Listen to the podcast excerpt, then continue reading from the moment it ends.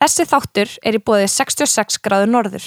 Fita Abu Lipti er frumkvöld og stopnandi nýsköpnafyrirtækisins Geosilica sem framleiði fæðubótarefni úr kísil. Fyrirtækið er metið upp á 700 miljónir og varan er nú komin á ellendan markað. Fýta flytur til Íslands frá Palestínu 16 ára, þess að móður hennar þurft að flýja heimilsofbildi. Aðstæður hér heima voru allt aðrar en þær sem hún hafði upplifað og hún átti erfitt með að aðlæða samfélaginu til að byrja með. Fýta náði ekki að ljúka stúdinsprófi vegna erfiðleika í íslensku, en í dag, þöks í háskólanum á Keili, hefur hún lokið þryggjára háskólanámi í umhverfis og orkutæknifræði og nýverðið lauk hún MBA gráðu samhliða því að koma fyrirtækinu sínu á markað. Sagan hennar Fítu er í raun ótrúleg og mikil kvartning fyrir alla þá sem vilja láta drauma sínu rætast.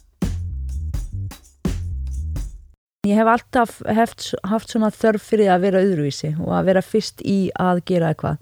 Þannig þegar ég var lítil þá, þú veist, alveg upp í Palestínu í Jérúsalem og hérna þá vildi ég vera bifvelaverki ég, bara því það var enga konur sem voru í þeim starfi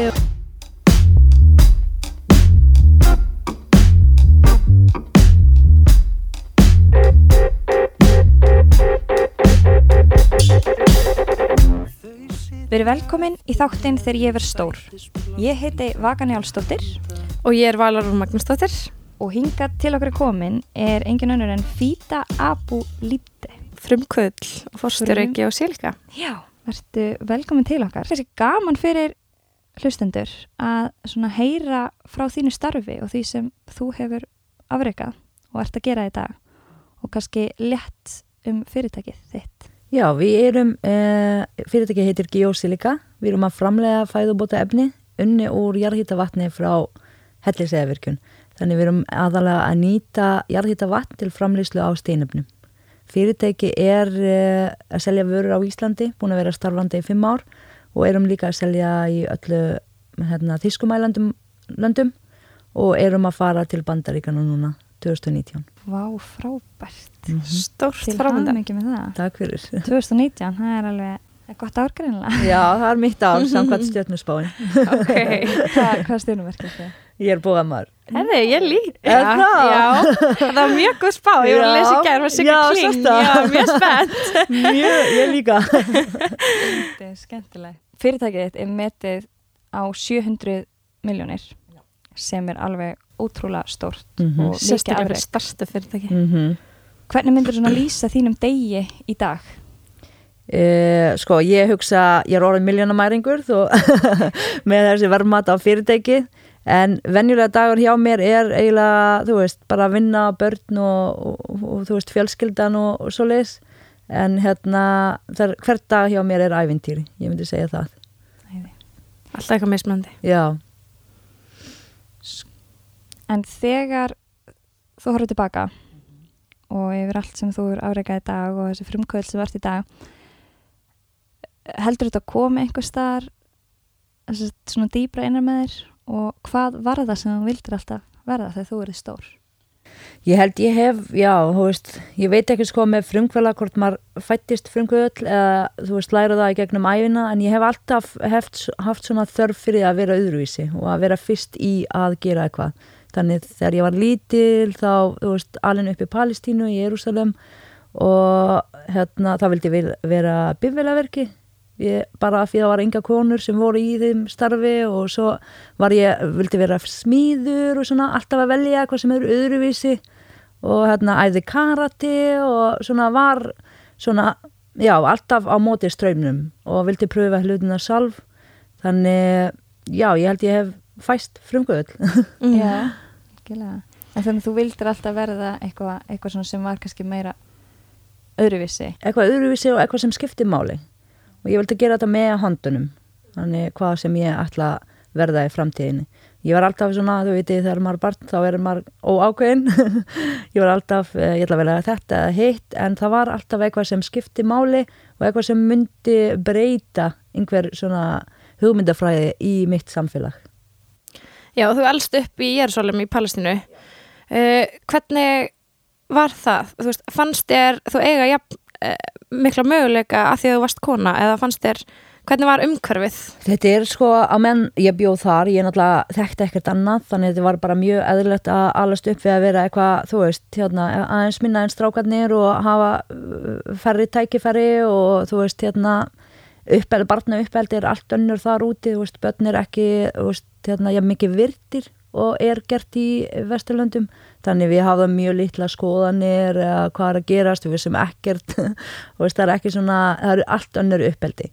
Og það er náttúrulega stríði í Palestínu sem er búin að vera mörg ár þannig maður verður að vera, þú veist, ég þurfti að passa með hvert ég er að fara, við hvernig ég er að tala og, og hérna uh, og það stríðinu, maður vissir ekkert hvort það væri skóli á morgun eða ekki, stundum var að bara loka í, í marga mánu skólin og, og þá þurfti maður að kannski að byrja ábyrð á eigi námi og gera þetta svona við erum alin upp þannig að þú ert að menta þig fyrir landið þitt. Þú kannski, sem barn, hlutverkið þitt er mentun, af því þú getur ekki kannski tekið virkan þátt í pólitík en þannig en þú verður að vera meðvitu um saga landsins, hvað að gerast um okkar hefðir og menning og þannig ég tók þessi hlutverk mjög alvarlega og byrja að lesa bækur um Suður Palestínu mjög ung og já, þannig Þannig að kannski svona fyrr sem þú fær þessa ábyrð já. heldur um börn hér til dæmis. Já, miklu, miklu fyrr. Já, já. einmitt. Sem er alltaf verið þá mikill metnaður í þér.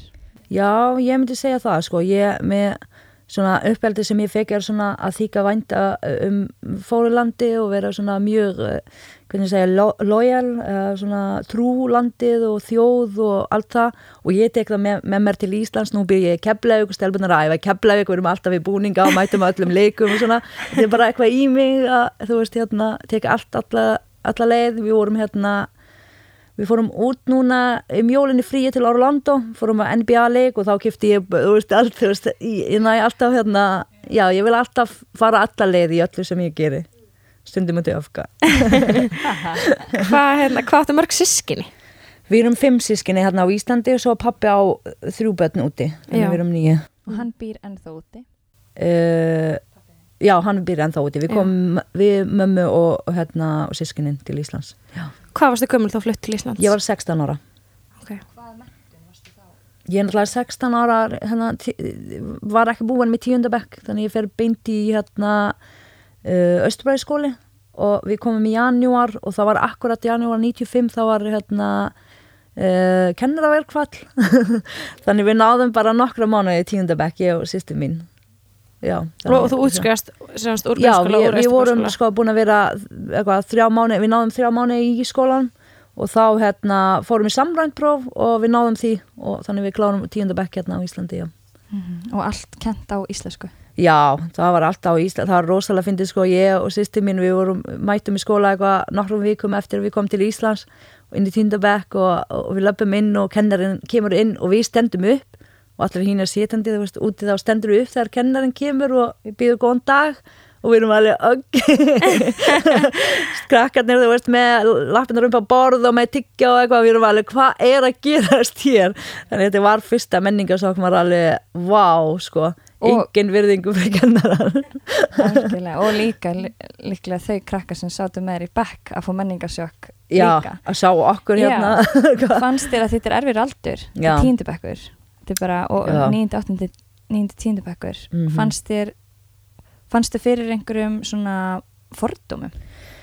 Ég veit ekki, sko, að segja eins og er. Ég var svo upptekinn að sirka allt sem ég hef búin að missa í Palestínu. Ég var ekki mjög lítið að spá umhverfi. Ég hafði lítið áhuga á eignast víni, hafði lítið áhuga á að læra málið. Allt sem ég var að hugsa um mig langar aftur heim. Ég segi það, fyrsta mánuðin, var, eh, fyrsta, já, árin var svoleiðis. Bara mæta þar sem ég átti mæta samkvæmt það sem var sagt við mig, svo fara heim að uh, sirka það sem ég misti og hérna, ég myndi segja við vorum hefnar, uh, ég og eldri að þú veist, öll sískinni að uh, við byrjum í grunnskóla.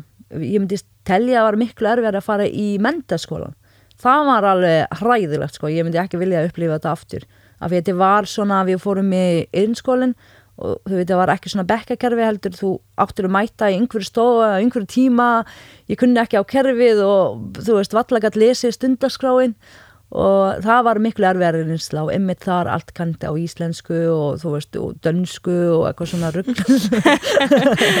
lítið aðhald kannski. Engin eiginlega, engin þú veist, þá ertu orðin fullorðin, þú ert ekki barn lengur. En samt er maður alls ekki full Alls ekki, sko, maður, maður veit ekkert en af hverju flytur til Íslands? við Íslands? hérna, eiginlega mamma sko og þú veist, við áttu, þau áttu mamma og pappi áttu rosalega erfið samband og ofbeldis samband í margra ára þannig þetta ákveður mamma, hún ætlaði að fara úr þessu sambandi og hún átti bróður sem, uh, ábróður sem býr á Íslandi þannig hann hjálpa henni og okkur að koma hinga til Íslands þess vegna var Ísland fyrir valinu og þá var hann búin að hjálpa mömmu að fá atvinnuleifi og dvalarleifi fyrir sig og okkur þannig við komum hérna til Ísland sem uh, þú veist á eigi vegum. Þannig við fengum heldur ekki þessi stuðning sem flottamenn kannski er að fá eitthvað svona. Þannig við komum á eigi vegum. Og ég 16 ára þá var ég hérna fullráðin á þessum tíma 95 þannig uh, þá þurfti ég að sína fram á það sjálf að ég get framflutt mig af því ég er fullorðin í lögum. Þannig ég þurfti líka að byrja að vinna til þess að halda dvalæfileifi mitt og atvinnuleifi og, og, og slíkt hérna snemma þannig var mjög, mjög hérna, sérstakir tímar þessi tímar. Við hvað ert að vinna fyrsta árin? Ég náttúrulega, engin tungumála en nýtt þannig, þannig þetta var bara eitthvað láglaunar starf, ég held ég hef byrjað að vinna í einhver bakari hérna, já, við byggum í Kóboi og það var ömmubakstur, ég hef byrjað að vinna þar og svo kynntist ég að fylgta fólki og náttúrulega innflýtjandur þar og þau voru að færa sig fiski þannig ég fylgdi bara að fóri að vinna í fiski. Bara þú veist náttúrulega átti mjög lítið hérna vini og svoleiðis og flestir voru í þessu þannig ég fór bara með. Og þannig ég var hérna, já, í bakari svo fór ég að vinna í fiski. Svo aðeins fór ég þegar ég fór að tala máli aðeins þá fór ég að vinna í soppu. Og samt því að vinna í fiski svo fór ég að vinna á svona já, svona updata mig, að svona uppfærði mig hægt og rólega. Hvað hérna, tekur þér langan tíma að geta, þú veist, átt samtal á íslensku? Uh, Það var sko uh, tímum sem við komum hérna 95, 96, 97 þá var enskan rosalega cool sko. Það var ekki svona jafn slæmt að fólk voru ekki pyrraður á því að tala ensku heldur vildur að tala ensku og æfa sig á innflýtendur þannig að tók kannski aðeins lengra tíma þar sem við fengum alltaf þó stundum tala ég íslensku þá fekk ég ensku, svar ég ensku. Þannig það var erfiðari að læra. Það var ekki fyrir, ég held þegar ég var búin að vera tvö, tvö og halvt ár þá saði ég við öll sem, alla sem ég kynntist að ég talaði ekki ensku. Þá fór íslenskan að koma meira inn og læra íslensku og ég myndi segja að ég fór að trista mig að tala íslensku eftir svona fjögur ár. Já. En talar ennsku á hann komst hingað? Já, já, Já, það já, er hérna, já, það er kendi frá fyrsta bekk úti, þannig ég kunni ensku. Já, frábært. Og hvað fannst þér skrítnast? Þú veist, hafður þessi snjó eða... Já, sétt maður. Já. það var alveg hræðilegt, sko. Við kunnum náttúrulega ekki að labba í snjónum. Ég veit ekki, ég var marinn á restinu marga mánu, sko, það var alltaf detta. Þannig var maður alveg hvernig og maður og við erum náttúrulega með fatnaði og skó frá Palestínu, alveg ekki, enga veginn passar við veðrið og svo leis. komið um Þannig- vetur Við komum veitur, við komum í janúar og það var hérna það var svolítið meira áfall en hérna af því það var svo snjóð hérna flóða í hérna Húsavík. Var ekki Húsa eh, jú það var í Húsavík 95 og við bara veistu, hérna margir hérna dóðu þar í snjóflóðu og svona. Við erum alveg, ok, ég, ég vil vera frekar skótin af hermennum en að deyja svona. Þannig við heldum að þetta var svona við vissum ekkert betur, við heldum ok, veturinn er svona, allt er lokað, allt í kafi snjór og fólk bara deyr út af kuldan og þú veist, snjóflóðum. Þannig þetta var mjög hræðilegt að þetta hefur gerst þú veist, hérna yfir höfuð og svo líka að uh, þetta er fyrsta kynningin okkar á Íslandi. Já. en svona samfélagslega sjokkið sem þú ferð Það er þessi hérna, frelsi sem uh, uh, krakkarnir á okkur aldrei sem hafðu sem við höfum aldrei vitað um þú veist að geta einmitt bara að tala við kennarinn á þess að bara að segja bara það sem voru að hugsa um á þess að þessi virðingu hræsla myndi ég að segja við svona eldri fólk. Það fannst mér, og ennþá ég á rosalega erfitt með að venjast því, þú veist að segja við háskóla professor, hei gummi þú veist, ó, ó, það er svolítið erfitt svona, ég ber ennþá að svona þessi virðingu fyrir eldri fólk, fyrir eldri fólk sem veitir meira en við og þú veist, þessi drekka og reykja og eitthvað svona, ég náttúrulega var mjög fljótt að læra á það átaka mjög virkan þátt í því en fyrst var þetta rosalega mikið sokk. Við bara satum við og, sýsti mín hérna hún 17 og ég er 16 við erum alveg, hvað er í gangi hér? Krakkarnir bara drekka og reykja og þetta er bara hræðilegt sko. Hvernig ætlum við að lífa í þessu samfélag? Við viljum fara heim svo vorum enga stund að venjast þessu sko og enda þetta er mjög gaman Hafið þeirra heyrst eitthvað um Ísland árum komst? Já, við náttúrulega, frendi okkar bjó hér Já. þannig hann og kom með börn hann á börn hér og, og komu, þau komið til Palestínu í heimsókn og svona, þannig við vorum búin að kynnast aðeins Ísland, vitum, vissum aðeins en það er þannig, þú veist hérna eins og við tölum í dag þegar og heitir einhver sem býr ekki á Íslandi að komdu enga til Íslands, það er æðislegt og, en í raun vitum það er ekki þannig, þú, það var ekki svona auðvelt, veist, að, að búa hérna á Íslandi og sérstaklega þú talar ekki tungumáli. Og þú veist á þeim tíma þá eru rosalega fáar innflytjandur og svona dökkir, kannski brúnir og, og hérna, þannig við stóðum upp úr allstar sem við fórum og það bara þú veist, þetta var ekki við sem Íslandingar er ekki hluti af menning Íslandingar þannig það þarf alltaf hérna, ó, það er rosalega skrítið að hún talar íslensku. Þannig stundum er það ennþá þannig sko. En þessi hérna, þú veist, að reyna aðlagast þetta samfélag var rosalega erfitt, rosalega erfitt. Og rosalega lítið stuðning við það. Þannig við hérna, við erum, vorum nokkur ár svona einangraðar, við sem ekkert hvernig eigum að snúa okkur, hvernig eigum að vera hluti af þessu samfélagi á þess að drekka og reykja og vera með í þessu þannig við fórum þann leið Þannig þið gerir það. já, Þannig þið mætið í, í partí Já. og alls konar þannig. Og fannst það erfitt eða var það smá léttir fyrir þig kannski? ég held ég hef áður áður fyrr, þrátt fyrir unga aldrei hef ég tekið lífið allt og alvarlega á en ég kom til Íslands, þú veist, ég ætla að gera þetta og þetta og þetta á þessum tíma og það er ekkert sem má fara úr skeis.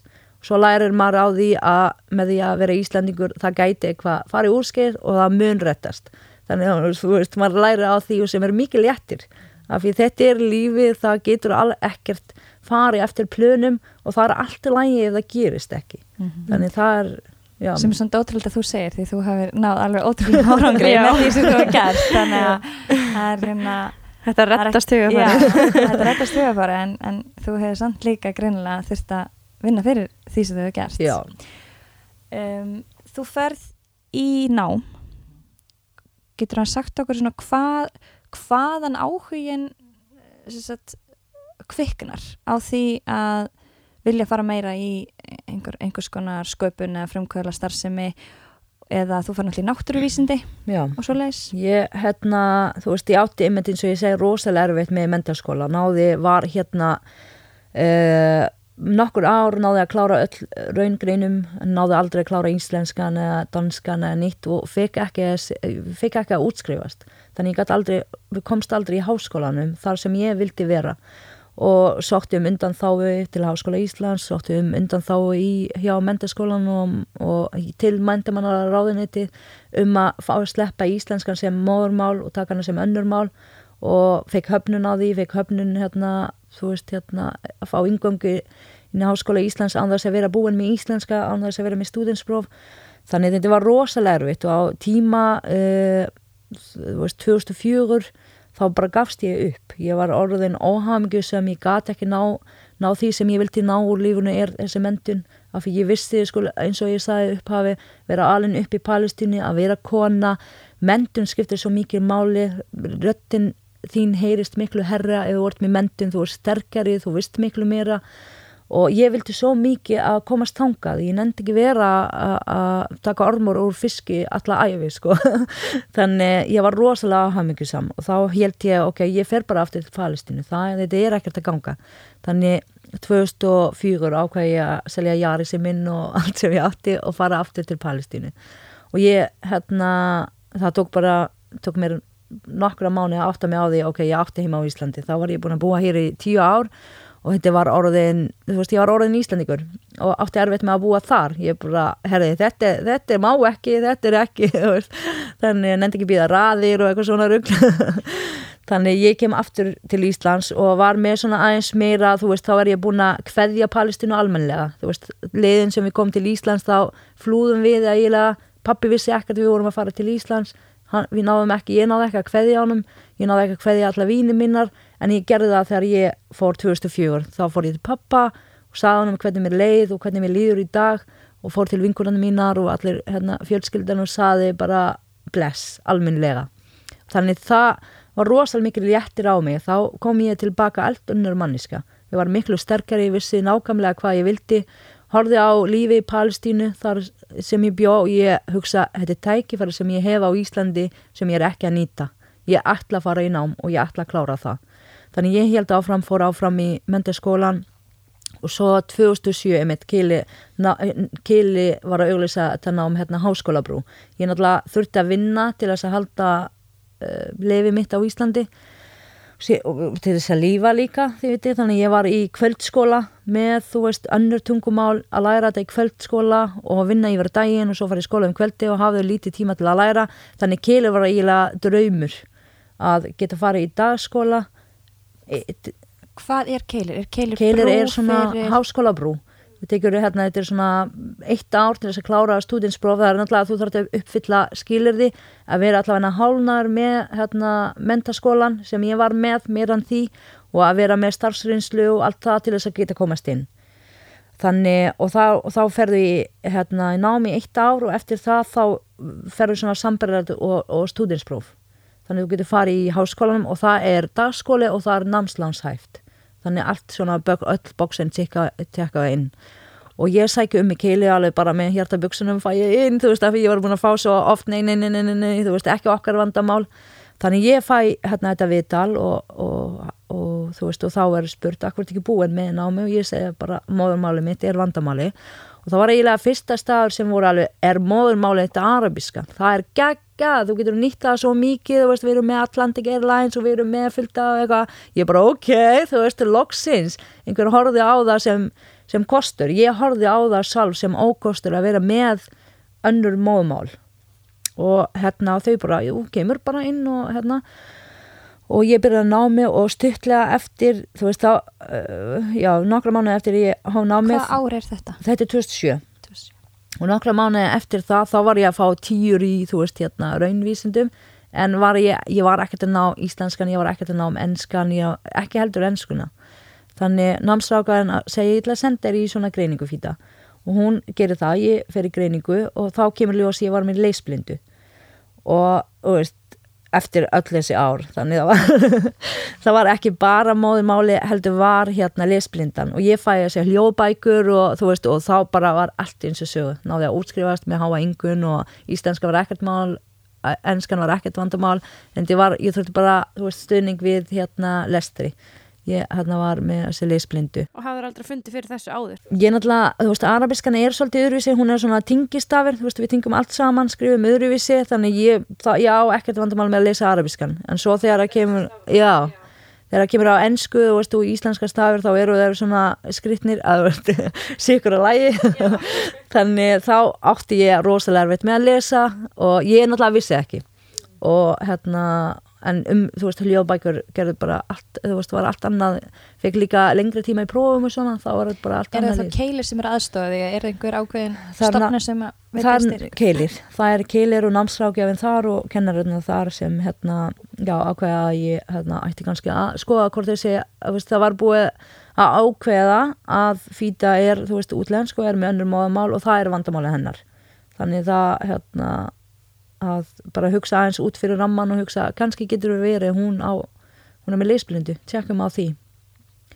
Og já, þannig mitt eftir ég fækja þessi aðstof þá klára ég kili á einu ári svo fór ég í hérna í uh, viðskipta nei, í Hagfræði Háskóla Íslands en ég bjó í Keflavík og var svolítið erfitt sko að vera á milli hérna átt í börnin í leikskólan þar og þannig ég ákveða bara að hætta í Hagfræði að klára önnin og ákveða ekki að halda áfram þar og svo var námi hérna orgu umhverju steknifræði kynnt í hérna, það er samstarfsnám Háskóla Íslands og Keili og það var kent í Keili en á vegum Háskóla Íslands. Þannig þetta var hérna uppi líka í Keflavík. Og ég hef alltaf haft áhuga á að gera eitthvað í handunum þannig teknifræði er eiginlega eins og verkfræði nema svona meira applied. Þannig þú fer í svona af renni bekk og smíði og ramagsfræðistofan og svo les þannig mér fannst það mjög áhugavert og sótti um nám þar og, og kláraði það að þrjum og halvum árum og, var, og sótti um hérna, starfsheiti, teknifræðingur, fekk það. Svo, uh, og þá var ég einmitt hérna í lokaverkefni, þetta er örgu umhverfis teknifræði, þannig það var rosalega mikið láða áhrifsla á hérna, efnafræði og svona uh, endur nýjulega orku og jarðvarmi og svo les og þar ve- kveiknar áhuga á kísilinn silika og tók lokaverkefni mitt í að skoða áhrif kísil á líkamann og bakterjur og, og svona sveppi. Og, og þar veist, eftir útskrift þá stopna ég og það er eitt sem var með mér í námi. Þá var hann var að skoða hrinsuna aðferði á kísli úr jarðvarma virkanir og svo stopnum við geosilika eftir útskrift frá keili Þetta er svona gott, gott sjörtkvætt á, á Já, merkilega sem þú hefur gert. Fyndi líka að fara úr hagfræði í orsko auðlutæknifræði. Já, ég samt hafði rosalega, þannig ég fór svo í mistaranámi í hérna, MBA, mistaranámi í rekstra og, og viskatfræði. Já, Þannig ég hafði alltaf áhuga á svona business en hérna ákveða að fara, þetta var mjög góð að blanda að læra að búa til eitthvað og svo að læra að marga að setja það og koma því að framfæri og, og svo leis fór í báðum. Já, Þessi raungreina áhuga sem þú hefur já. finnur þú fyrir honum þegar þú ert yngri í Palestínu, í skóla þar? Nei, eða? alls ekki. Það er bara þessi ekki eiginlega áhugi, eitthvað, eitthvað sem ég þurfti að gera af því ég gæti ekki lesið. En ég gæti skoða tölur. Þannig að þetta var ekki áhugi heldur hérna, eitthvað sem ég gæti gert. Já, þannig að þú veist, ég, nei, ég hef alltaf haft áhuga á sugu og lestur og eitthvað svona, en svo gæti ég það ekki. Þannig ég ætla að vera uh, einn af þeim hérna, tímabilum þegar ég var lítil, ég ætla að vilja blaðamæður og, og var held ég, já, frá því ég var eitthvað tíu, alveg til, þá getur ég var 14 ára, þá var ég með sérblað í dagblaðinu úti. Þar sem ég skrifaði svona krakkablaðið og var með krossgátu og var með stuttsugur og svona, þú veist þessi krakka Vá, já, helsjan, já, það var mitt þannig ég ætla alltaf að vera uh, blaðmaður og pappi mín er blaðmaður og hérna, já og, en ég gæti það ekki sko. Að vera þarf svo mikið að kunna tungumáli rosalega vel. Þannig ég er nettist til þess að fara í raunvísindum en það er ekki mitt. En það er rosalega gaman að því þú veist að geta leist vandamál. Þú veist í dag finnst mér þetta miklu skemmtilegar hitt. Nú, nú nenni ég ekki að vera hérna þú veist kannski kafi í að e, lesa og svona skilgrina og að segja aðferðafræði heldur vil ég fá rísa stórdæmi sem ég get leist á staðnum. Þannig að svo breytist áhuga með við kannski er þetta svona þessi survival mode, mode áhuga breytist með við það, það sem þú getur. Þannig að þú veist hérna og þarf að vera eldtest við eitthvað sem maður getur ekki. Það er bara að segja við það og halda áfram í lífinu staðan fyrir að stoppa og reyna og reyna og reyna. og veist, hérna, þannig ég fer í gegnum lífinu þannig að ég geri það sem ég get meðan við það sem ég hef. Ekki meira og ekki minna. Veist, ég ætla ekki vera að svekka mig ég ekki að fá tíu íslensku. Veist, fyrsta skipti sem ég fjall í, í, í einhver hérna, kurs í háskólanum ég er alveg bara, ég ætla að hætta og ég ætla aldrei að gera þetta aftur, þetta er ekkert fyrir mig og eitthvað svona, svo með tíma þá hugsa ég, ég ætla að gera bara mitt besta meðan við það sem ég hef ég hef ekki tungumáli, ég hef ekki svona mikið tíma ég er í vinnu, ég er með heimili. Ég get ekki fengið mér en sex. Það er bara, ég verða að sagt að mér við það og halda áfram. En það enginn er að spyrja þig, hvað fegstu í íslensku hérna, fyrsta kursi og veist, hérna, umlið maður sem, þú veist, þegar maður fyrir að sætta sig við það, að ég er að gera mitt besta við það, meðan við það sem ég hef, þá er lífi bara, þú veist, tækifarin eru endalaus. þú veist, þannig ég var að þessi típa sem þurft að fá tíu. Annars, annars geti, veist, ég hérna, fullkomna áreitu svo þegar maður lærir á að hérna hunsa það þá er bara endilust tækifæri. Þannig þú veist, ef þið hafi haft sambandi við mig fyrir tíu árum byrðið mig að koma að viðtal, þá er ég alveg nei, hvernig myndi ég líta út, hvernig myndi ég tala? Ef ég, þú veist, hérna, ef ég fall beigja eitthvað vittlust og allir hínir fara að hlæja, þú veist, ég er ekkert að spá í þessu núna lengur, ég hugsa að það er enginn, þú veist, vaka eða vala, ég er ekkert að fara upp í rúm og hugsa, herri já, fýta var eitthvað að fallbæja hérna, það var ógæslega, þú veist, það er enginn að spá í þessu, ég gera það ekki, ég vona að hínir gera það ekki, þú veit. Við gerum örugglega bara meira þetta er Já, Já, nákvæmlega, þú veist, þetta er ekki eitthvað sem á að stoppa mig. Nákvæmlega. og ég held þess vegna er ég komin svona langt að því ég læti þessi litla hluti ekki stoppa mig, þetta skiptir yngu máli. það er þetta sem ég finnst ótrúlegt að þetta þraut sem þú hefur að því að það verður svo ótrúlega auðvelt fyrir fólk að vera sko eins og þú lýsir þinni í rauninni bara reynsla af mentakjörunni hérna heima bara hræðilegt og bara og þú veist í öll þessi ár. Og það verður ótrúlega eðlert að þú verður mjög reið gagvart því. En það er einhvern veginn þessi þraut sem þú hefur og heldur alltaf áfram sem skilur sér í því að þetta er rauninni bara breyti lífinu þínu á bara allan hátt. Meina og finnst þið það ekki þegar þú fær mentun Jú, hvað bara hlutinu breytast? Jú, það er sko í gegnum þess allavega, þú veist hérna að vera berjast við þessi men- menntastofnanir og, og svo leiðis, þú veist hérna það að reyna að fá þessi undan þá að reyna hérna að vika aðtikli en á þessu málefni, þó þessi stofnanir per sé voru ekkert að sína þessi áhugi, það er rosalega stór hópur af Íslandingum sem sá hvað þetta er rámt og voru að styðja mig og bjóða mig á fyrirlestrum og veika aðtikli á þessi málefni. Enda í dag getur þú fengið með til móðurmáli mitt, eh, sem fyrsta mál, íslenska sem önnumál, það er komin í grunnskóla, íslenskan er kent sem önnumál, þannig þegar, þú veist, að horfa á hvernig er þetta í dag, þá er ég mjög stolt af þessi baróttu, þó að það er alltaf sagt, þetta bitnar alltaf á fyrsta kynnslóð innflýtendur, þú veist, þannig þó að bitnar á okkur, það skiptir einhver máli, við erum að breyta þetta fyrir næsta kynnslóð. Já, og þú veist hérna að vera búin með þú veist, að menda mig á Íslandi hefur hjálpað mér mjög mikið, þú veist, að segja þú veist, hérna við erum, þú veist, að vera innflýtendu að vera með allt annað, hérna, þú veist, hérna kannski sumir því miður horfa ekki á mig sem jafningi.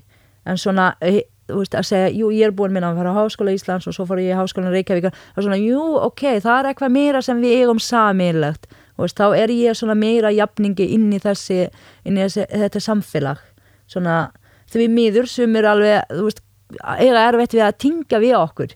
Veist, við eigum ekkert samíðalegt sem er, þú veist, kannski er þetta í menniðli að þú veist, fýta er fætt þar, alin upp þar, borðaði svona mat, þú veist, þú bara, hvernig get ég tingt hana? En kannski núna í dag hef ég miklu meira til þess að vera svona, af, til að lefa fólk að tingast mér og horfa á mig sem jafningi. Og þú finnur alveg ennþá fyrir þessu í dag að fólk er svona, Já, já, já, já, Já. þú veist, það er þú veist, þetta er ótrúlegt, þú veist, hámenta fólk sem eru bara, þú veist, hérna stundum byrja að tala við með ennsku og hérna stund, þú veist, hérna já, fyrir ég og Burknir stofnum fyrirtæki og, og þú veist, ég man eftir því, þú veist, við erum á fundum í bókara og ég er framkvæmstjóri og segjum fjármáli og hann horfði allan tíma á Burkna og veist, tala um hérna og þú veist, ég er að reyna að ná augnsamband við hann og hann horfði alls ekki á mig og svo þú veist, fer ég á kannski á aðra fundi með hvern maður sem er Íslandingur þá er hort á, á hana, ekki á mig þú veist, ég er að svona alltaf að segja, hún skilur það sem ég er að segja þú veist, það er ekki best að tala við hinn íslenska stúlkan eða Íslandingurinn eða kallmaðurinn, þú veist, þannig maður finnur þetta ennþá en veist, ég læt það ekki hérna, að stoppa mig og hérna og veistu, ég var bara að hissa þar einhver veit ekki hver ég er sko. En þú klárar námið uh, og af hverju ákvæmst að stopna fyrirtæki? Var það alltaf planið eða, Nei, alls ekki, við klárum námi hérna 2012 og það var hérna, þú veist, ennþá hérna á Suðurnesjum, þú veist, ennþá hérna mikið atvinnuleysi að jafna sig eftir heyrinn fór og þú veist, hérna og svoleiðis, þannig það var ekki margt í bóði og ég var, eina sem ég var ákveðin í því að ég vildi ekki aftur að fara í þjónustastarfi ég var búin að, þú veist, ég var ekkert búin að eyða þessi tíu ár í, í hérna nám til að fara aftur á sama stað. Og hérna, mér fannst það bara góð hugmynd að pröfa þetta. Og það, er, það kemur þessi íslenska blóði í mér að þetta er rettast þú veist, okay, að, þú veist við prófum þetta prófum þetta í 2-3 ár ef það gengur ekki þá bara gerum eitthvað annað. Þá allavega maður er búin að læra hellinga á fyrirtækjastofnun og reykjaverkefni og koma að segja á framfæri. Þannig þetta var svona djarf ákvörðun sem ég ákvað að taka og uh, var ekki viss hvert að myndi leiða mig en ég vissi það. Ég vildi ekki fara á sama stað og ég var áður. Þannig ég var tilbúin að forna margt. Þannig að það er út að stopna fyrirtæki með þú veist, ný útskrifa þar segir sér salt, það er engin eigi fyrir að fjármagn eða nýtt, þú veist, hérna sem var að fara þannig, e, já þannig ég ákveða bara að kýla á þetta Mm. Og þú, þú ákveður að stopna þetta í Reykjanesbæ, þar sem þú býrð. Já, Uh, hvaðan kemur nafnið? eh, geosilica það er frá geothermal silica það er hérna jarðvarma kísill og það er hérna við tjekkum á því hvort einhver annar var með nafni og það var ekki þannig við ákveðum að bara fara með þetta nafni sem er lýsandi á það sem við erum að gera Kom þetta bara strax eða varstu lengi að velta þig fyrir þig? Að þetta er þetta svolítið svona beint á Já, það sem þú ert að gera. það kom, hérna, það komu mjög asnalega hu- hugmyndir sko á þetta nafn kom sem var fyrir að hlæja á þeim í dag og hvað var það, sópi og drópi og eitthvað svona alls konar nöfn og við vorum ekki vist hvort við hafum þetta íslenskt til að stingja við Íslandi eða maður hafa þetta svona lýsandi á ensku þegar við förum að hérna, verlenda markaður þannig já, þetta kom ekki strax það tók hérna, já, nokkra vikur á hverja nafni En byrjuðu þið strax bara á því sem þið eru að gera í dag að endur nýta uh, þetta jarð heita vatn. Já, þetta byrja eiginlega bara, þú veist, eins og flestar frumkvælega sögur byrja heima hjá mér, inni í stofu, þá byrjum við að sækja um styrk til teknið þrjóðum sjós til að aðta hvort við getum fjármagna verkefnið. Þú og Burkni. Ég og Birkni, já. Og við sóttum um styrkin og þá vorum ekki búin að stopna fyrirtæki og þú veist bara, settum upp verkefni og við skilta allir hvernig ætlum að gera þetta og hvað myndi kosta og allt það og sendum til teknið þrjóðum sjós og við fingum styrk. Þannig hérna, eh, verkefni er stilt til þryggja ára sem tryggði okkur fjármagni þrjú ára meðan þróun, þú veist, hérna, þróunni vinna fyrir, hérna, já, á stað. Þannig við byrjum að, á því að, þú veist, að færa okkur í svona setur og leia húsnæðið þar og hefja tilraunir á framlýslu og þá var meðal annars, veist, að fá að tala við að segja. Þetta var mjög erfið tímabil að við verum svona nýútskrifaðir mjög lítið sálsturist, maður heldur maður kann ekki neitt og veit ekki neitt og þannig að maður gerir það, þú veist, hérna, eftir útskrift það búið að brjóta maður nýður í gegnum námi þannig hérna uh, og þú veist að kannski að bóka fund með orkuvitan Reykjavíkur til þess að spyrja hvort við mættum vera með aðstöðu þá var maður alveg bara ó, geðveik stressandi að fara á slíka fundi og svoleiðist þú veist og við fyrum ég og Burgni alveg og koma eitthvað sjö sérfræðingar hérna inn í stofu og spyrja alls konar spurningar maður alveg þú veist en þetta var rosalega challenging tíma. Þar margir að hætta að við þetta er hérna margir sem segja nei við þig að við erum takar ekki alvarlega margir sem fara að hlæja þér að við finnst hugmyndin alveg mjög þú veist hérna ekki raunhæf og það er ekkert að fara að gerast. Þannig þar lenda margir í svona margir í úr kannski fjölskyldina og nánast alveg hvað ert að gera, ætlar ekki fá þér alveg vinnu? Og veist, hvernig ætlar að lífa af er þetta ekki bara áhuga maður getur ekki bara verið gert það on the side og fá þér alveg vinnu þannig það er margir sem hérna, eru dragar nýður á þessu tímabil þegar hugmynda er að fara á stað En aldrei þú sjálf? Þú Jú, ég hugsa alveg oft hvað er ég að gera, veist, hérna, sem betur fyrir fekk ég, veist, hérna, maðurinn minn og fjölskylda, stóðu með mér. Þannig það var sem skiptir mestamáli að, þú veist, hérna, að- aðalega maðurinn minn, þú veist, þá er ég að vinna rosalega mikið og er að tekja mig laun eða neitt, þú veist, og hann er alveg bara, við gerum þetta, við prófum þetta og, og þannig það hefur það styrti mig alla leið, sko. En hérna, ef maður færi ekki stuðningin heima hjá sér, þá gæti þetta haft mjög mikið áhrif að frumkvöld að, að hætta trúa á sjálfan sér en ég hafði sko, hérna, maður minn sagði mig, þú veist, ég veit ekkert hvað þetta gera, þú veist, hann er viðskiptfræðingur hvað með þetta kísilega eitthvað svona, en ég veit allt sem þú gerir, þú tekur alla leið. Þannig bara go for it. Og við, við getum alveg þólað þetta í nokkur ár. Og það var bara mjög gott að fá þessi stuðning heima og ég held áfram. En ég fekk mjög mikla gaggríni sko utanfrá og hlegi ofta á mig og fekk mjög leila samninga þurfti að sætta með að við eitthvað sem ég myndi ekki, ekki gera í dag bara því ég var að byrja og ég var það, þú veist, hérna að reyna að koma með á framfæri en hérna þetta er mjög erfi ferðalag sko og þarf sérstakka típa af fólki Hvernig, te hvernig tekur við svona neitunum?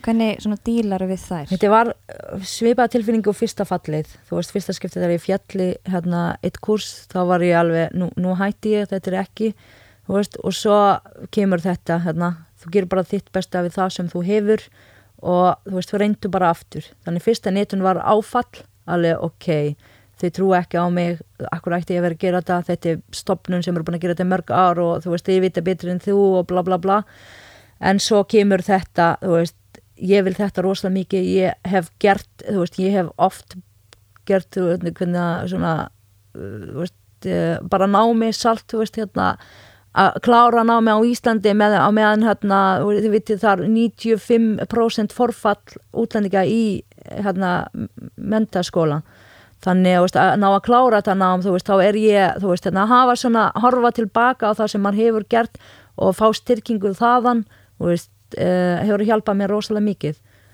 að halda áfram. En ég viðurkenni það sko, ég, hérna stundum var ég rétt að gefast upp að fara að lóka búlan en ég, hérna, eina sem ég hef gert gott að, uh, hérna ég reið fólk inn veist, hérna, með, með mér í hóp uh, frá upphafi. Þannig ég var aldrei einn og ég var mjög stert teimi sem, voru, veist, þau, sem betur fyrir vorum við aldrei sama tíma nýður að leið. Þannig þegar ég var eitthvað efast um þetta þá voru þeir alveg neyninni þetta er að fara að ganga. Og svo þegar þau voru að vera um efast þá var ég til staðar. Þannig ég átti mjög stertu öflöðu teimi og á ennþá til daginn í dag sem hefur svona kvart mig áfram. Ég vill rosalega mikið vera góð fyrirmynd þannig ég reynið, þú veist hérna ég legg rosalega mikið á mig til að vera þessi fyrirmynd fyrir konur, fyrir innflýtjandur fyrir unga konur, fyrir frumkvölar þannig, þú veist, ég má ekki gefast upp, þá halda hín að þetta gengur ekki. Ég hyggst það líka oft svo les, ok, ég er með teimi hérna sem horfir rosalega upp til mín og tekið mig til sem fyrirmynd, ég má ekki vera að sína þeim að þetta er eitthvað, þú veist, hérna að það er í lægi að hætta eða það er í lægi að gefast upp fyrir fyrsta netun. Þannig það, það líka hefur styrt mig. Að horfa á salva mig hvernig barni mitt myndi horfa á mig. Já mamma var bara tókit að allar og var bara átt að kona og var ekkert hérna, að hérna, samþekja þetta eða hitt og segja nei við þetta. Þannig já það styrkir mig rosalega mikið. Mm. og hérna getur líst bara eins aftur bara svona hvað fyrirtæki gerir Við erum hérna, við hefum átt á Íslandi eins og við allir vita, við framleiðum hérna rafmagn úr jarðhitta vatnið og svo hendum, veist, þegar við vatnir orðin kallt þá getum við ekki nýtt það til framleiðslu. Þá setjum við það aftur í jarðgeimin en til þess að, þú veist, að dæla aftur í jarðgeimnum þá hérna best að taka fyrst steinarbinu úr af því hérna, þá mingar við þrýstingin og þú veist, þetta er bara auðlind sem er ekki nýtt eiginlega. Þú veist við kaupum kannski kalk og, og magnísjum og kísil út í búð svona til viðbútar við, fæ, við fæðu okkar en við getum, við kaupum allt innflutt. Þú veist í stand fyrir að nýta þessi steinafni sem við höfum til þess að búa til okkar magnísjum, hérna, kísil og kalk og alls konar steinafni sem koma í þessu hérna, steinafna ríka vatnið. Þannig ég hugsa ok, getum ekki nýtt þessi vatn til þess að framleiða okkur eigin steinafni og þá fórum við að efna greina vatni þá var hægsta magni af kíslinum og kísil er svona lífsnausinlega steinafni sem finnst alveg í hár, húðu, neglur og í beinin. Og hjálpar svona aukir beinþjætni hann gegnir svipa hérna, hlutverk og kalk kemur ekki staðin en mjög svipa hérna, hlutverk. Þannig við ákveðum að hefja tilurinnir ymmit í að aðskila kíslunum frá vatni og hrinsa hann og við gerðum það, tók okkur þrjú ára að gera það. Fyrsta varan okkar á markaði kom 2015 og það er kísild steinefni til intöku í vögvaformi og það er alltaf betur að taka í vögvaformi af því það er svona auðveldari líka mann upptakan. Og við vorum eiginlega strax með að sölu hægsta íslenska vara í gegnum drefi aðan okkar hilsa sem drefir fyrir okkur Svo árið eftir náðum við að tvöfalda söluna, við vorum ekki að bara vera hreinskilin, við settum vöruna á markaði og við vissum ekkert hvað að fara að gerast. Og veist, umbúðina er halvbja, þú veist hérna, og veist, við vorum ekki viss sko hvernig mótakandi myndi að vera. Og svo byrjum við að fá ótrúlega starf einslusjóður, alveg bara innlegar breyf, alveg bara þakka ykkur fyrir að koma slíka vöru á markaði, þetta er akkurat sem ég vandaði, ég finn alveg mun á mig, miklu vitri í líðanum og hár og húð og neglur og svo les og þá er þetta orðin svona og sérstaklega á Suðurnisum af því við vorum þar og þetta var orðin, þú veist, bara þú veist, hérna, bæjarvaran. Allir bara að tala um þetta og sölu hægstastæðir voru hérna á Suðurnisum og svo byrjaði að færast og aukast söluna út um allt land og við vorum alveg wow. Og svo hérna, já, og svo komum við með þrjá nýja vörur í hausti fyrra, uh, 2017 já komin 2019 Já. og þá bara tvöfalds söluna aftur. Svo fengum við hérna, hérna fyrirspurn frá þýskum uh, dreifið alveg þýskum álöndu löndum. Meðan við selja vörðunar ykkar. Við erum alveg ok. Og þá fór þetta alveg meira á stað og þess vegna erum við meitið svona á 700 miljónir í dag. Þrátt fyrir sko varan er þrygg ára veist, fyrsta varan og hinn er bara tveggja ára. Þannig að þetta er alveg gífulega mjög góð árangur veist, með að við aldur og, og hérna, fjármagnir sem við fengum er að segja Nordic Startup Awards fyrir best hérna, bootstrap og það er fyrirtæk sem komir lengst á minnst fjármagn. Þannig við erum komin mjög langt með að þetta er lítið sem við byrjum með og já, við erum núna að stekka okkur fara á fleiri markaði og varan er bara að slá í gegn. Þannig þetta er mjög gaman að þessu mjög gaman að, þessu, að sá árangurinn. Hvað líður svona langu tími þar til að setja vörun á markað? Og þar til þú reynin svona upp, upplifir það að þetta sé að fara að ganga? um, það er svona eitt ár. Við setjum vöruna á markaði og þú veist, og að því Íslandingar eru svona nýjunga gjarnir, þannig ég hugsa að þetta er bara eitthvað, þú veist, nývara komin á markaði.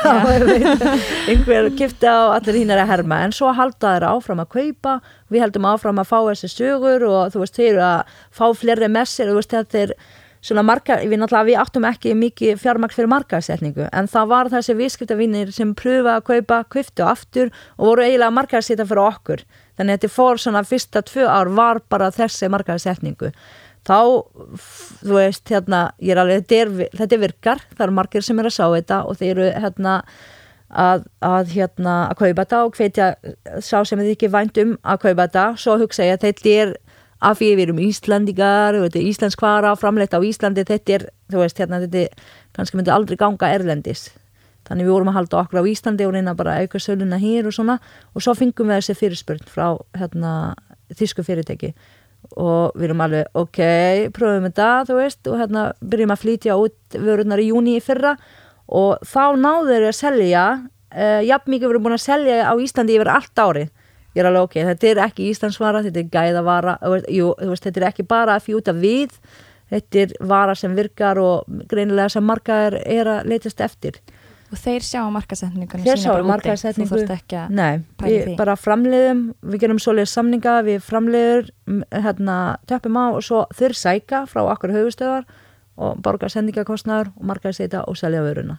Þannig við erum með mjög góða samningar og það er eitthvað sem hérna kannski frumkvölar ég myndi hvetja að gera, að gera skoða samningar frá upphafi. Veist, að bara vita hvað þið geta gert. Þú veist, ekki vera að taka of mikið á ykkur. Þú veist, hérna þið geti framleitt, þið geti pakkað búið, þú veist, þið þurfu ekki að sjá um að senda þetta og sjá um markaðsetning og allt það, bara það sem við geti gert og svo gera samninga þannig af því, þú veist, mörg stór fyrirtæki í dag eru bundin einhver 20 ára samninga svona, af því þið gera það svona upphafi að sjá um markaðsetninga og sjá um sendingagjöld og allt það og svo er erfitt að breyta því eftir á.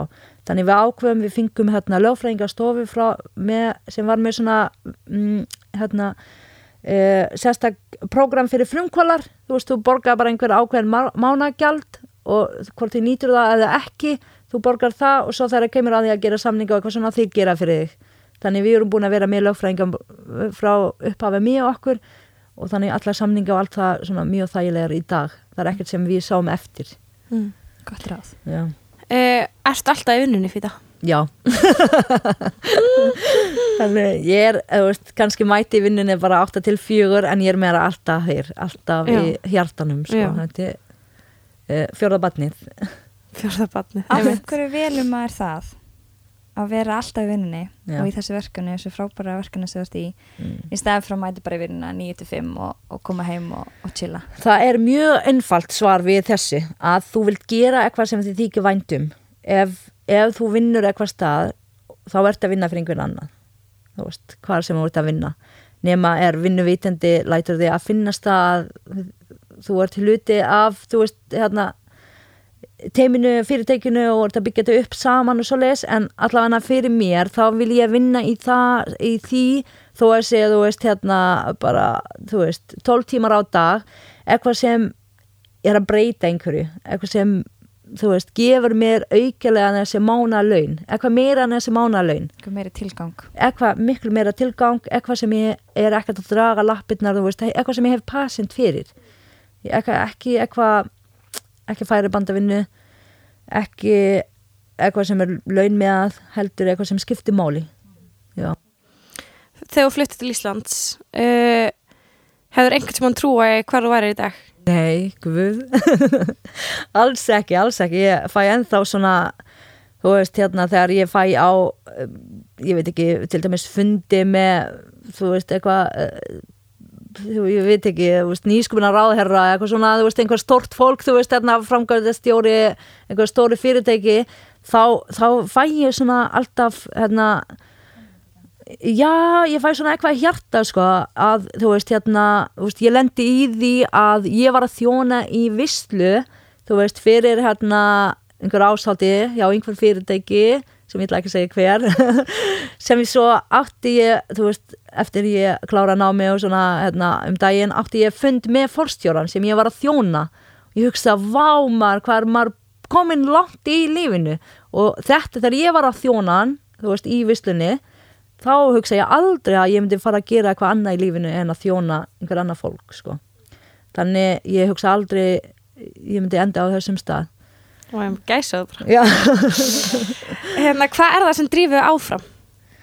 Uh, það er þess að gera eitthvað sem skiptir máli. Þú veist, við erum hérna þrátt fyrir unga aldrei, við erum samfélagslega ábyrði í fyrirtæki, þú veist, við erum fimm ára við erum búin að vera fjögur ár að til dæmis, við erum aðal sponsari kvennabólta í Keflavík, þú veist þannig það er ekki eitthvað sem ég tók eitthvað úr að hagnaði og setti í Keflavíkfélagi heldur eitthvað sem ég tók að launi mitt og setti inn í Keflavíkfélagi, þannig að þú veist, drifur mig áfram að sá veist, að, að ég get gefið tilbaka uh, og sá að ég er að breyta einhverju Þa, það var svona já, drifið mér rosalega mikið áfram að, að geta breytt einhverju að geta verið hérna, fyrirmynd. Þú veist, ég á rosalega erfitt með að finna fyrirmynd sem lítur út eins og ég þú veist, hérna, þá, þá get ég gert það fyrir næst komandi kynnslóð þannig það drifir mér rosalega mikið áfram.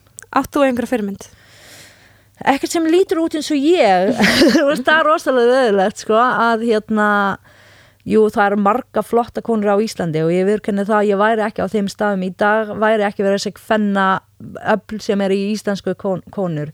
Og þú veist, ég dreyga alveg rosalega mikið orgu úr þeim, þú veist, að horfa á þessi kvenna, horfa á þeim þú veist, ég er mjög dýlega að horfa á hvað það er að gera, hvað eru komin langt í, í lífinu, hvar þau voru hvernig þau bera sig, þú veist og hvernig þau tala, ég læra rosalega mikið af þeim, þannig ég er mjög dýlega hérna, að draga mitt kjark frá þeim. Þannig ég á rosalega marga fyrirmyndir og, og hérna, en ég mér finnst það rosalega leðilegt að það er ekki, veist, við erum komin 2019 núna, það er ekki fyrirmynd, veist, hérna sem lítur út eins og ég, mér finnst það bara mjög, mjög sorglegt, akkur er engin engin kona sem er í pólitík, í fórsvör fyrir fyrirtæki, í hásetu eitthvað svo leiðis sem lítur út eins og ég af því við erum búin að vera það marga ára á Íslandi. Það er bara mjög reyðja heldur það sé bara máli En hérna, nú er startufefurinn uh, talin mjög svona erfiður. Mm -hmm. uh, Hver er svona stærstu mistökin sem þú gerðir? og Eitthvað sem þú lærðir mest af. Uh, ég lærði mjög fljótlega, fljótlega á þessu ummitt hérna, samninga að gera þeim fyrirfram. Þú veist, þó kostar mér að gera það fyrirfram Uh, ég myndi segja að það væri stæsta mistök sem flestir lenda í samningana, bæði samninga við hérna, samstarfaðala samninga við dreifiðala, samninga við starfsfólkið þitt, allt það þú veist við hínu hluthafanar það er mjög, ef þú gerir það rámt í upphafi, mjög erfitt að breyta þeim. Og þá lendir maður í alls konar leiðandi og visin og sum fyrirtæki, sum mjög flott sprota fyrirtæki þurftu bara að lóka fyrirtækinu út af því. En hvernig finnst þér, þú veist uh, bara svona startup uh, heimurum bara hérna í Íslandi? hann er alveg að vaksa mjög og dafna mjög flott sko og mjög hratt. Þannig þegar við vorum að byrja þá var rosalega lítið stuðning og svo bara strax á öðru að þriðja ári þá var komið hérna gulleggkeppninu, Startup Breykjavík, Startup Energy, Startup Iceland. Þetta er bara mjög góð stuðningur og maður getur hvinnar sem er hringt í þeim og tala við þá og tekið þátt og svo hjálpa veist, Íslandsstofa og, og hérna, alls konar uh, hérna, frumkvælega setur eins og Sáarklasan er með er í annars þar í heimi.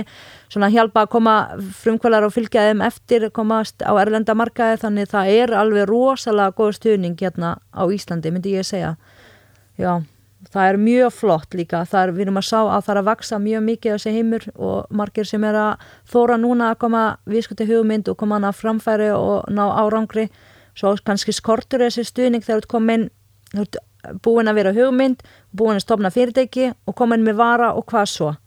Það er svona vandarstundum ég er komið vara, hvernig á ég selja hana? Hva, hvernig á ég komin á erlendamarkaðu svona vandar kannski stöðningu þar. En hérna við erum rosalega mikið að vaksa í því Glæsilegt. mm En svona þegar uh, hugsar frá því að þið Burkni hittist í, á stofinu heima Mm. og þangti núna hvað svona hvað myndur segja að vera þín á þessu tímabili -hmm. stærsta hindrunin sem þið þurftu að, að komast yfir Það er, myndi ég segja, stærsta var uh, fjármálin.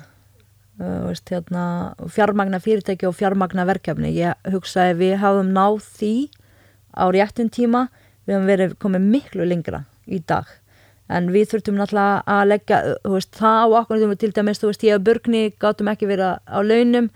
Þannig hann fór að vinna annar staðar og ég þurfti að vera hérna á lálunum, þú veist, til þess að geta reiki fyrirtæki áfram og svo hérna, þið veitir uh, þetta er svona svolítið að ekki hafa þessi fjármagna öryggi hefur áhrif á andlega hlýðinni á, þú veist, allt í kringum mann. Þú veist, hvernig hérna hvernig við komum fyrirtæki á framfæri, hva, hversu hérna, frjó erum við og orkan okkur og allt það að ekki ná að fjármagna fyrirtæki á réttin tíma hefur dreigja okkur aðeins tilbaka og það er eitthvað sem hérna, margir lenda í því svona spróta fyrirtæki við fáum kannski svona startstyrkin til að koma viðskipta hugmyndina á framfæri en svo þurfum við hérna, veist, við þurftum til dæmis í okkar tilfelli að kaupa stærri búnaður af því að eftir, spurning á íslenska markaði var það mikið að við vo- vorum farin að vinna sólarring, og, þú veist, ég er börgnir og setja næturvaktur og svo, þú veist, hérna, til þess að framleiða eða þurftum við 40 miljónir til að kaupa stærri búnaður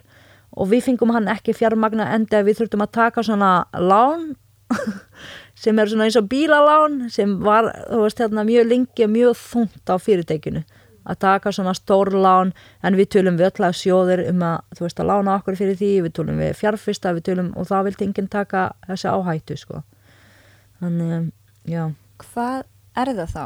Ég meina þú, hvenær ferði MBA náið? Ég verið 2015 Já, Já. þegar þið er að setja vörun á markað. Já, Mhm. já, og er þið svolítið bara í þeirri óvissu þið vita ekki alveg hvað mun Mhm. gerast. Já, og þannig er þú að taka MBA nám já. Hvaða karakterenginni Mhm. eru þetta sem þú hefur? Og hvað heldur að það þurfi til þess að Eh, vera já, bara til þess að vera þú. Í rauninni. Uh, ég veit ekki. Ég er bara uh, ég veit ekki. Ég ætla ég ætla að gera þetta. Þú veist, ég bara, ég veit ekki. En ég sé ekkert annað. Ég sé ekkert annað, ég ákvað að ætla að taka þessu vörur af framfæri, ég ætla að veist, hérna, sá þetta að vaksa og ég mun ekki að hætta fyrir en það er komið. En ég held þessi frumkvöla, þú veist, þessi að því þetta er eitthvað sem ég elska að gera, að skapa verðmæti, veist, ég tók eitthvað sem við Íslandingar erum búin að henda í 50 árum og bjóð til 700 miljónir úr því. Þú veist, hérna wow, hvert skipti sem ég hugsa tilbaka, ok, þetta er veist, sköpun á verðmæti frá yngu og það er ekki, ég gera ekki bara í fyrirtæki, ég gera, þú veist, heima þegar ég er að elda, að búa til eitthvað gormitt máltíð úr yngu, þú veist, hérna sköpuna verðmæti þú veist, hérna, og reyna að gera mikið úr það sem ég hef af því ég hef átt svo lítil í gegnum lífið og gegnum æfinni og ég hef haft svo lítið en ég vildi alltaf, þú veist, búa til mest úr því. Hvort þessi tungumáli háði bara nokkur orð og ætla bara að gera þetta og hitt. Hvort þessi fjármálin þú veist, átti lítið pening en fór í gegnum lífi, mentaði með salf grittið fyrir því salf, það er ekkert hérna, ég hef e- engin stuðnings, stuðningsneitt þannig, þú veist, ég get ekki, þú veist, hringti pappa og sagði, herri, getur þú borga bilbróð fyrir mig, eða getur þú veist, þannig kannski fólk átt að segja ekki á því að það er ekki bara að vera innflytjandi, er að vera, þú veist, hérna, kunna ekki málið og líta öðruvísi út, það verður enga stuðningsneitt, engin, whatsoever, þú veist, við, ég get ekki, hérna, þú veist ég kannski, jú, ég er gift íslensku manni og hann á íslensku fjölskylda. Við náttúrulega búum í Keflavík og þau eru Reykjavík fjölskylda hans en þú veist hérna það er ekkert svoleiðs hjá mér að ég geti hringt, getur passa batni á meðan ég er föstu umferðina ég get ekki gert nýtt svoleiðis sko. Þannig það er þú veist, ég hef alltaf þurft að vinna úr litlu og gera svona samberjart líf og hínir með við það sem ég hef. Og eins og ég segi kannski fólk átt að segja ekki á því að sé daglega baráttu sem uh, sem kona og sem innflýtandi sem ég þarf að fara í gegnum daglega Mm. Um, hvernig kúplar þið út? Hvernig, hvernig eða getur það? ég get það ekki ég var í fríi hérna núna þú veist hérna var búin að ákveða búin að skipla þetta sko hérna að fara til eh, út kjöptum flug með hana í februar í fyrra. Þú veist við fórum núna í desember og ég var búin að svo ákveða að þú veist að kupla mig út af því þú veist allir segja mig að ég þarf að gera. En svo átti ég hérna þú veist vann um kvöldi og átti tveim fundum hérna úti inn á milli hérna. Ég get ekki, þetta er eitthvað sem ég þykir svo mikið væntum að mér finnst það ekki svona eitthvað sem ég þurfa að kupla mér út. Mér finnst það eitthvað sem, að mér finnst svo gaman að gera. Og ég, því meira sem ég get gert því hérna, nær er ég markmiðan mínum og veist, ég er alveg meðvituð þetta er ekki þetta er ekki eitthvað sem ég er að fara að gera alla æfi ég, er, ég ætla að hérna, hjálpa fyrirtækju að ná ákveðin þroska. Svo fer ég náttúrulega úr fyrirtækinu af því ég er ekki þessi færi banda vinnu típa þannig þegar fyrirtækin er orðin þú veist hérna getur staðið sér þá, þá fer ég og gerir nýtt alveg, byrja þetta allt saman upp á nýtt. Af því ég er bara svo leys Í, í dag, ertu eitthvað inn á veist, stofunum að græja vörurnar eða ertu meira svona að, að stjórna og stýra? ég er í öllu, ég er í öllu ég fer upp í helli segja framlega ég fer að pakka og ég og veist, hérna, veist, það er að vera veist, í þessu svona frumkvælega starfsemi þá setur marga hatta á því á dag ég er mannustjóri og ég er skemmtunastjóri og ég, svo fer ég að þrýfa klósti og svo mæta að fund og svona, þú veist, maður er allur í öllu sko, af því þú ert náttúrulega, það stór að geta ráðið starfsmæður í fjármálum svo starfsmæður í mannustjórnum og svo starfsmæður í hérna, ég, við erum sex starfsmenn í dag en, þú veist já, mér finnst gaman að gera allt sko, en ég hugsa að kemur núna brálega þegar við fyrir að fleiri markaði að ég þarf kannski að einbytta mig á einu af því þú veist, þá má heldur ekki drifa sig á mikið á meðan fyrirtæki lítið og það þarf ekki sinna hérna mörgum starfsmennum og þú veist mörgum markaðum þá er allt, allt í lagi en maður verður að passa sig á því líka að halda fókusina á það sem skiptir máli þannig þú ert ekki að eyða þessu verðmæti tíma í eitthvað sem einhver annað getur gert fyrir þig og þú heldur áfram að vaksa Uh, í startupi þá uh, þarftu að vera góður að kynna hugmyndina hérna mm -hmm. og alls konar svona lifturæður og þeir sem á Shark Tank við alveg hvað ég tala um. Hérna, Hvað er liftur það? lifturæði sem svona 30 sekundna uh, ræða það sem þú uh, já, svona 30-60 sekundns ræða það sem þú útskýrir fyrirtæki uh, fannst þér það, þú veist, varst alltaf með það í þér? Það er ógæslega elvert, ég kann þetta ekki ennþá maður, þetta er ógæslega stressandi. Og það er erfiðari fyrir þú veist stofnandi fyrirtæki að fara með þessu ræðu af því mér finnst allt skiptið máli.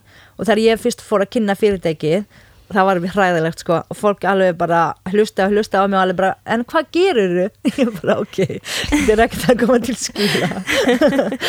Þannig þetta er alveg mjög flókið að hérna að, að vita hvað skiptir máli.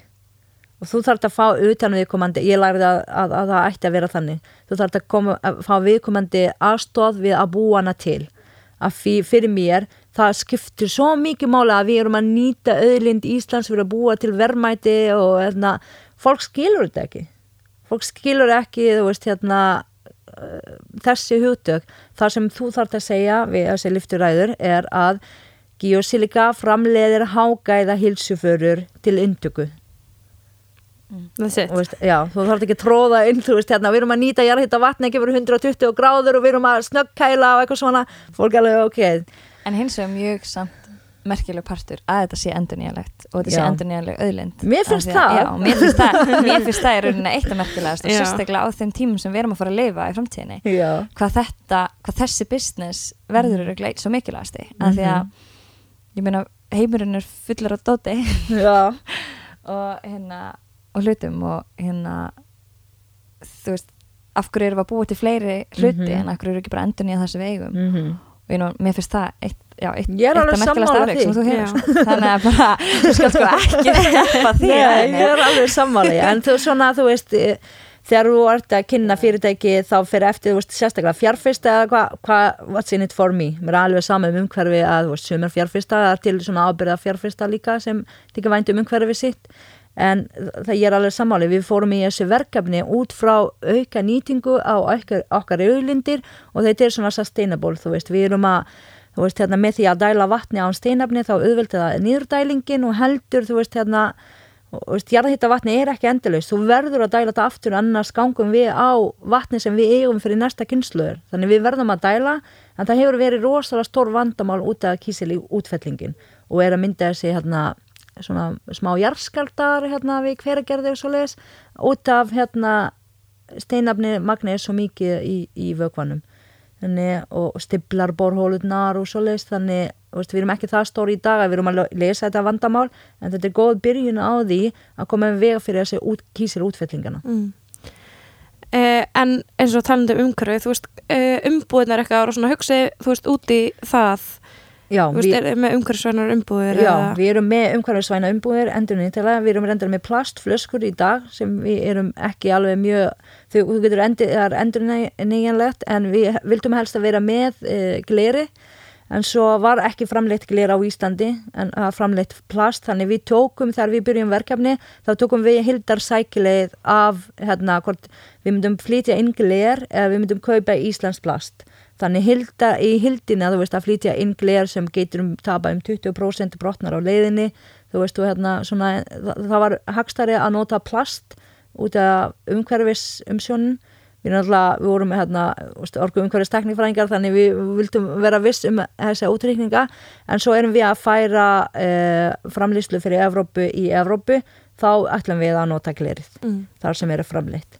Já, þannig að þið ætla að fara eh, semst að vera með einhverju höfustöðar eh, Já, við verðum að gera úti. það það Já. er hérna ekki sníðut að vera þú veist að flýta svo mikið á milli og við, við munum alltaf framlega hráefni á Íslandi og svo er spurning, þú veist, við verðum að eiga lagar í Afrópu, bara upp á þjónustan og, og hérna, já. Og, og magn, þú veist, flutning þannig í stann fyrir að flýtja eitt og eitt bretti þá flýtum bara eitthvað magna brettum og geymum við Evrópu og þjónum Evrópu þaðan. Já. Uh, ef þú lítur svona tilbaka uh, heldur að sé eitthvað svona eitt sem hefur haft áhrif á þig, eða mikil áhrif? Bók eða kvikmynd eða þú veist, einhver persona eða viðtal eða eitthvað. Hmm. Öruglega, ég hef tekið hérna ég, ég hlusta rosalega vel og læri á því læri rosalega mikið á því að hlusta á aðra. Ég hef enga áhuga á því að gera sömu mystikum aftur eða prófa eitthvað aftur og, og ætlaðist til þess að fá aðra nýðustur þannig ég get ekki nefnt eitt en ég veit ekki, ég allavega þegar ég var lítið það var alltaf hérna veist hérna uh, mér fannst hérna prinsess Diana mjög merkileg kona og hennar þú veist hérna mót svona bara að segja, já, segja nei við bara stærsta veldi heimi og bara segja nei, ég er ekki svona og ég ætla að vera eins og ég er. Mér er alveg sama hvað títil ég missi mér er alveg sama hvað því horfi eða allt og svo var hún svo elskuð og þegar hún dó þá var bara, veist, hérna allir var að sirkja það, veist, ég út í Palestínu bara eitthvað, veist, ég man ekki einu svona hvað ég var gömur, sko, ég var mjög ung, sko, en ég man, ég var svo sára, allir, allir voru svo sári að hún dó að hún skuldi degja, hún var svo góð. Og þú veist að því hérna konur yfirleitt þegar er eitthvað með svona fara á móti ströymnum þá eru þær frekjur og þá eru þær bara þú veist svona hort illa á þær eitthvað svona nema innan kannski í hvenna þá er það bara flott já henni, bara átt að kona en hvernig heimurinn horfir á hana að hún er svona frek og bara komst á framfæri af því hún er svona ákveðin eða hvað þú veist fyrir eina færa árum en hún gerði allt sem hún gerði en við elskum henni öll. Og það var enginn, það ætti enginn í huga að segja hún er bara, bara klikku hún er bara frek hún er bara flott þannig ég horfi rosalega mikið ég, þú veist, já horfi rosalega mikið upp til hennar mm. þetta mögnu, mögnu kona mm -hmm. hún er, já Kjörlega. þó ég skildi ekki hvað pólitík var í bakvið þetta en ég bara að sá hana að segja nei ég er ekki svona mm. ég er ekki sammála þessu og ég ætla að vera eins og ég er og þó, þó að myndi kosta mér liði mm. þannig að þetta er eitthvað svona til að á þessum tíma sko já, nákvæmlega hérna, hefur eitthvað farið aftur til Palestínu eða sér það eitthvað fyrir að fara aftur Uh, ég fór, uh, náttúrulega bara heimsókn, já, Já. Ég, Já, allt í já. lífa.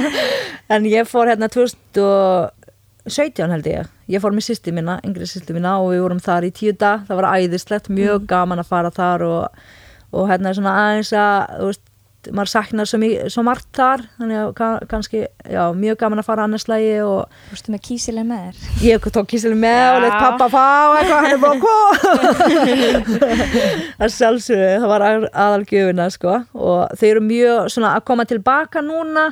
Þú veist, af því ég var svona salv með minni máttakent þegar ég fór 2004, ég var ekki búin með mentun, ég var þú veist, svona, ef þú fer erlendist, þú veist, sérstaklega af því við erum alveg upp og gefa tilbaka til landsins út af stríðið, þannig ef þú fer út þú ákveður ekki taka þátt í baranda- baráttan heima, það er svona óskrifa regla þá kemur þú tilbaka annarkvort með fullta peningum eða hámentun annars ekki koma. Veist, þannig þú ert búin að gera eitthvað fyrir Palestínu þrátt fyrir það þú ert ekki þar. Þannig þegar ég fór tilbaka var ekki með neitt. Það var svolítið, en þegar ég fór núna 2017 var búin með teknifræði og bara með eigi fyrirtæki og búin með mentið mig og allt það, þannig ég var svona stoltari sí- sjálfan mig og þrátt fyrir það, þú veist, hérna fjölskynda var ekkert að láta mig að finna fyrir því, þú veist, þegar ég fór 2004 alveg, hvað ertu búin að gera við lífið, li- lífið þitt? En þau voru svona, maður fann það miklu stoltari á okkur hver við komin í lífinu og við höfum, þú veist, nágóða árangri. Þannig var mjög gott að fara. Og það er alltaf mjög gott, þú veist, hérna og veist, þrátt fyrir það, ég til mig að vera Íslandingur og ég er líka palestínumadur þú veist, ég er svona bæði og það má vera bæði, má taka það besta úr þessum menningum, þú veist, hérna uppeldi, tungumál og, og, og trúin og allt það gerir mig það sem ég er í dag og þú veist, hérna, ég vil ekki breyta því eða gleyma því eða, eða bara hugsa að þetta var bara slæmir tíma sem ég vil ekki munna heldur bara að reyna að finna þetta jákvæða og, og já, vinna úr því Gerir þig á klálega sterkar einstakling Já. myndi ég halda mm en svo bara að lokum Hvað ertu gömul, Fíta? og mér sorry ég var 39 núna í desember Ok, Já. til hafingi takk fyrir Það er þá, þú hefur ár áður en þú verður. En ertu núna, 39 ára mm. Ertu búin að ákveða hvað vilt verða þegar þú ert orðin stór? nei. Nei. Ég, uh, nei. Það er hérna, við erum ekkert yfirvísi frá því sem við vorum börn. Þú veist, þetta breytist, breytist áhríslur því meira sem við lærum því meira sem við vitum að þetta er, kannski erum við ekki á réttum stað og prófa eitthvað nýtt. Þannig ég veit eins og ég sagði áðan það sem ég er að gera í dag er tímabundin ekki af því að ég hef ekki trúað í eitthvað, heldur maður verður að þroskast með lífinu og maður verður að þroskast, þú veist þá er ég búin að gera þetta og þá vil ég að gera eitthvað annað. En hérna, ég veit ekki hvað ég gerir svo, sko. Kemur í ljós. Það kemur í ljós og já, Þetta veitum heldur ekkert hvað framtíðin byrja skautið sér sko. nei. Hvernig tæknin verður og hvernig mm öðlindina verða og allt þetta. Já, þannig eins gott við svona, þú veist, reynum að aðlagast því sem er að gerast í lífinu. Það þýðir ekkert að vera búin að ákvæða, ég ætla að vera þetta og ekkert annað. Þú veist, þá ertu fastur af því allt er að þróast í lífinu og kringum okkur og í heimin og veist, þetta er orðin, veist, hérna, heiminu er orðin bara eitt glóbal land, sko, og þá eftir að vera ennþá meira solis, þannig, hraðin ótrúlega mikið já, Mhm. Þannig að þú myndir segja að vera í draumatjópinu núna ég er í er. draumatjópinu núna, já, já, já, ég myndi ekki vilja vera að gera nýtt annað. Æði. Frábært. Hefur einhver ráð? Þú er náttúrulega búin að koma fullt af ráðum.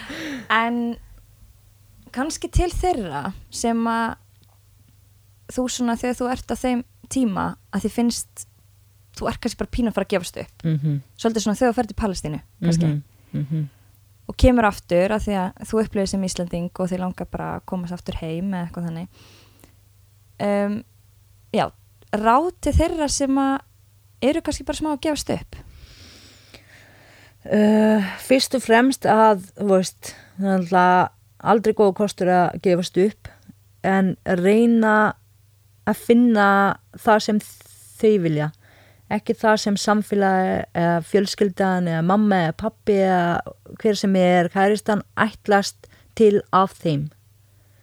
Veist, eins og ég var svoleiðis í mörg ár er að fara gegnum ný, lífið eh, þú veist, með það í huga að gera það sem fólk ætlast til af mér.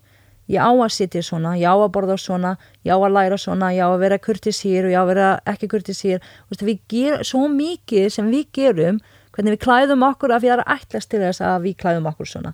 Uh, við förum í, þú veist, pappi mín er laknir mamma mín er laknir, að ætlast til að ég verði laknir, þú veist eða líka hinn áttin. Mamma mín er alkoholisti, pappi mín er alkoholisti, þá er mjög líklegt að ég er alkoholisti, þú veist, ekki gera það sem er ætlast til að þú gerir. Bara fyrst finna út hvað þú vilt gera og há því hva, hvernig hinn er. Sem er mentað sig af því uh, hvernig hinn er já, þá geta, þá geta þú veist, þá geta allir sagt hún er ég er eina fjölskylda sem er búin að menta mig ég er eina sem er með háskóla próf ég get, þú veist, sem er hvað að menta sig út af því ekki af því þeir vilja vera betri og bæta sig. Þannig ég myndi segja bara hvað hva þú vilt. Hver, skiptir engum máli hvað það er. Bara gerðu það sem þú vilt á þínu fórsöndum, ekki á fórsöndum aðra. Það er mitt ráð. Og er allt mögulegt? Og þá er allt mögulegt af því þú ert að gera þetta fyrir þig. Mm -hmm. og það er alveg sama hvað hínu finnst. Annars væri ég ekki hér í dag ef ég ætla að hugsa þetta er áhuga mál, þetta mun aldrei ganga. Alveg sama hvað hínum finnst þá bara gerðu það sem þú vilt gera.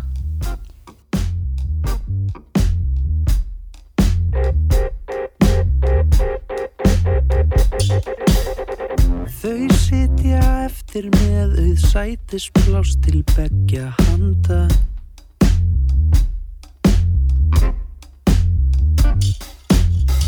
Dreipandi sitt á hvað á drikkjunum sem eftir standa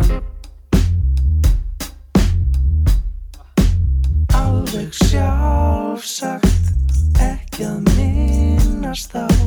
Láttu vaða leistu skjóðu frá. Ég segi engum svo krifjast hjartans mál og einhvers andadýr er panda.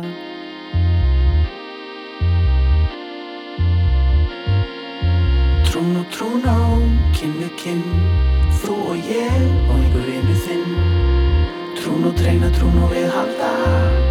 Nóttin veim og stórðin við halda trún og trún á kinn við kinn Þú og ég og einhver vinnur þinn. Trún og dreina, trún og við halda. Nóttin veim og stóðin við haldra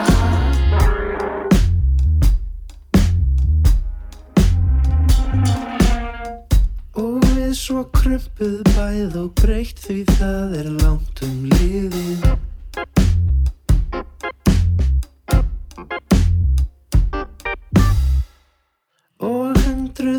hunda ára hafa okkar daga drifið Alveg sjálfsagt ekki að minnast á. Láttu vaða, leistu skjóðu frá. Ég segi engum Trún og